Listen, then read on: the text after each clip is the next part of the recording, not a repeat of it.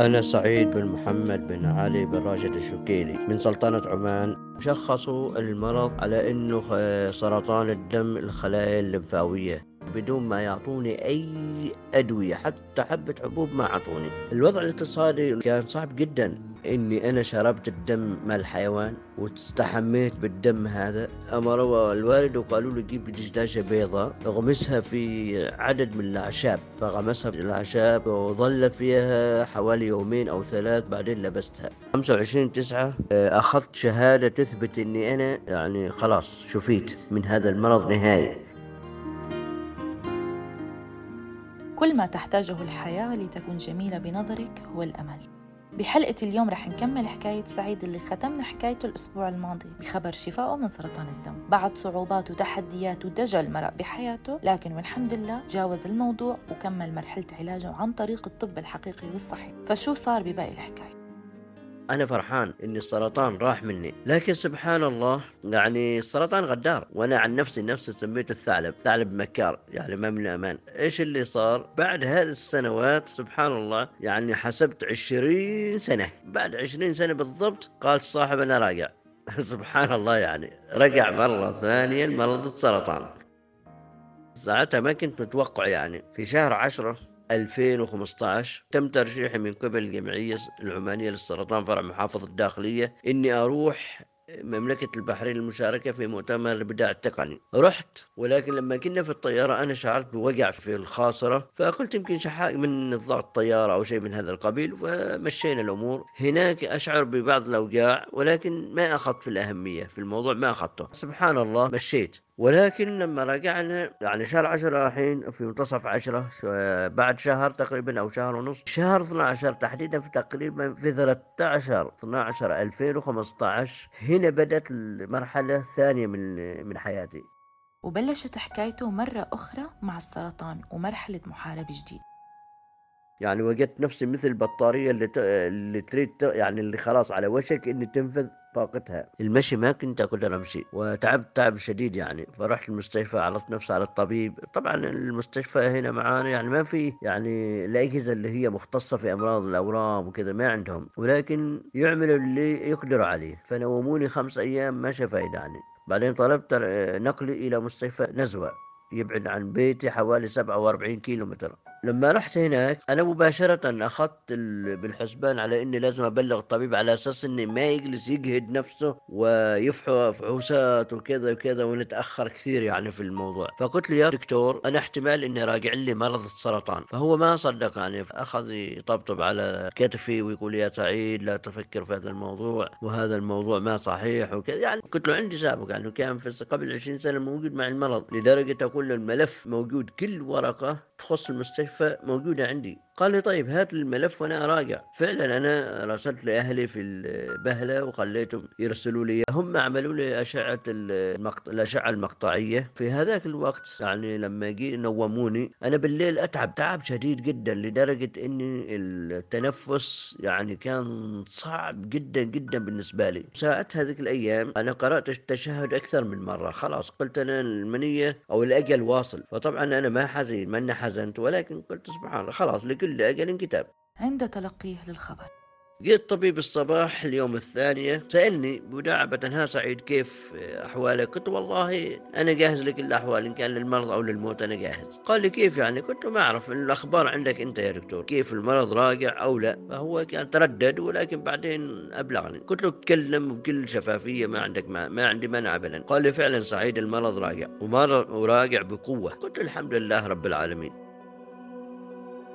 ما حزنت؟ خلاص قلت أنا أمر الله فوق كل أمر ولدرجة أن أنا تقريبا يومين أو ثلاث يعني كنت الأكل ما أقدر أكل واجد في ذيك الساعة حسيت بالجوع. فلما جابوا لي الأكل أكلت وكأني يعني من أسبوع ما أكلت. أكلت الأكل والحمد لله بالعالمين فالطبيب إيش اللي سوى على أساس أنه يكون خلاص يحولوني إلى مستشفى السلطاني.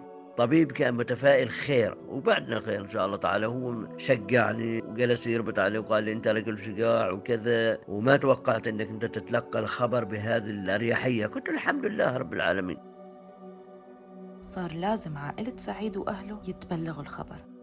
علشان أتعالج لازم يكون اللي حوالي يكونوا هم يساعدوني. اجتمعت بالوالد الوالدة إخواني وأخواتي لكن قبل لا أجتمع بأخواني وأخواتي وزوجتي اجتمعت بزوجتي وأولادي. أول شيء يعني أهل بيتي اجتمعت فيهم وبلغتهم. طبعا زوجتي بكت وصارت حزينة وكذا فقلت لها لا لا أمر الله فوق كل شيء وهذا أنا أنا ما بكيت أنت اللي تبكي ما يصير. بعدين اجتمعت مع الوالد والوالده والإخوان جمعت عائلتي كاملة. أبوي قال أنا كنت شاك في هذا الموضوع. الحمد لله رب العالمين لا تحاتوا خلكم عاديين وأي واحد يسألكم قولوا له ان سعيد بخير. أموره طيبة.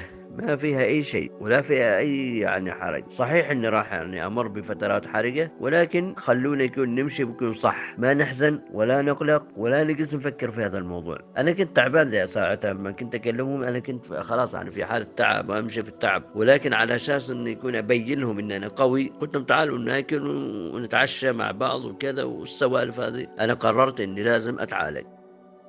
الناس يعني صارت في بعض منهم يجوا البيت عندي ويواسوني ويبكيوا ولكني أنا ارجع يعني أرجع لهم وأقول لهم لا تبكوا هذا أمر ما محتاج إلى بكاء ما محتاج إلى بكاء محتاج إلى دعاء محتاج إلى تشجيع منكم الي سعيد ما استسلم صار يبعث بالأمل والتفاؤل للناس اللي حواليه وبدل ما يشجعوه قام هو بتشجيعهم وأنجز إنجاز حلو فشو هو يا ترى؟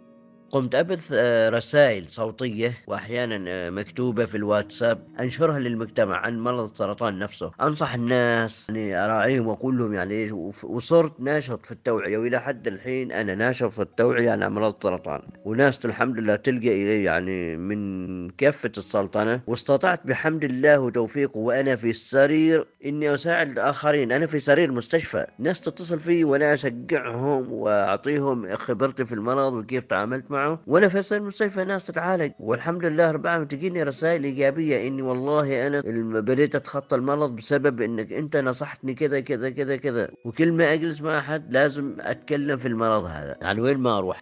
وتاريخ الشفاء كان؟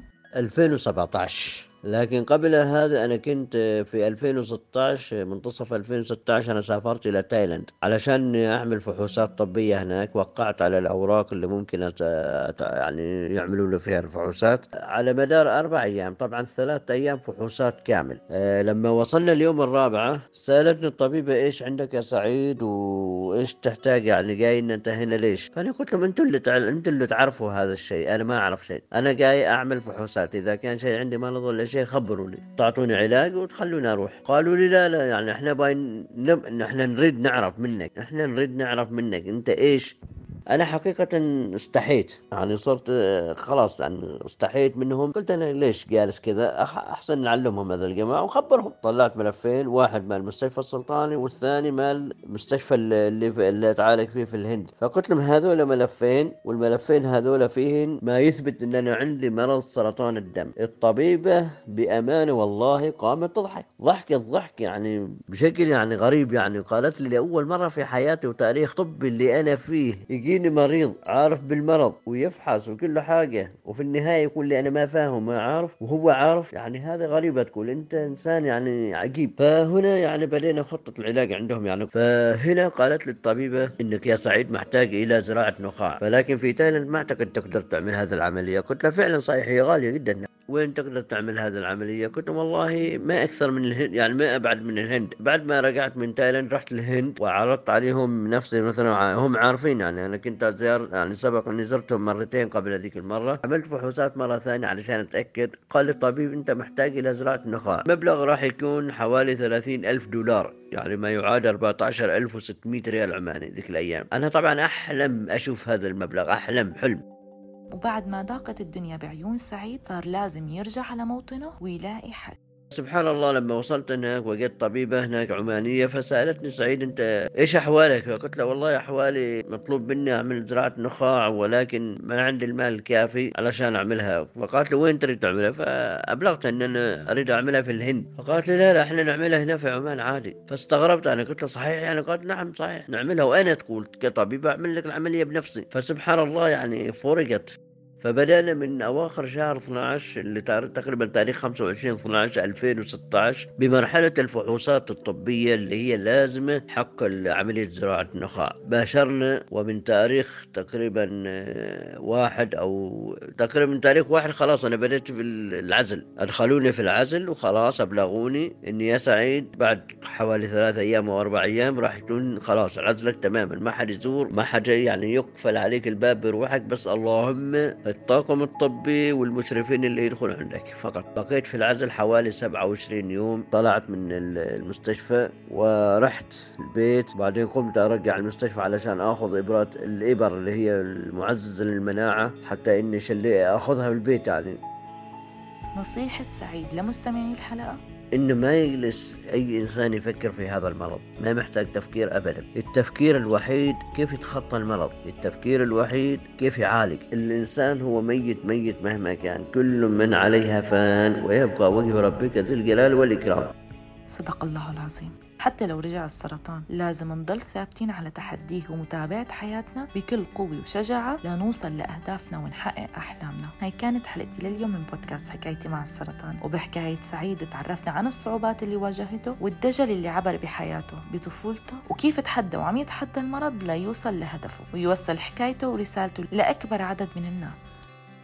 أنا غيداء مهدا كنت معكم بالإعداد والتقديم. استنونا بأمل جديد وحكاية أمل جديدة. سلام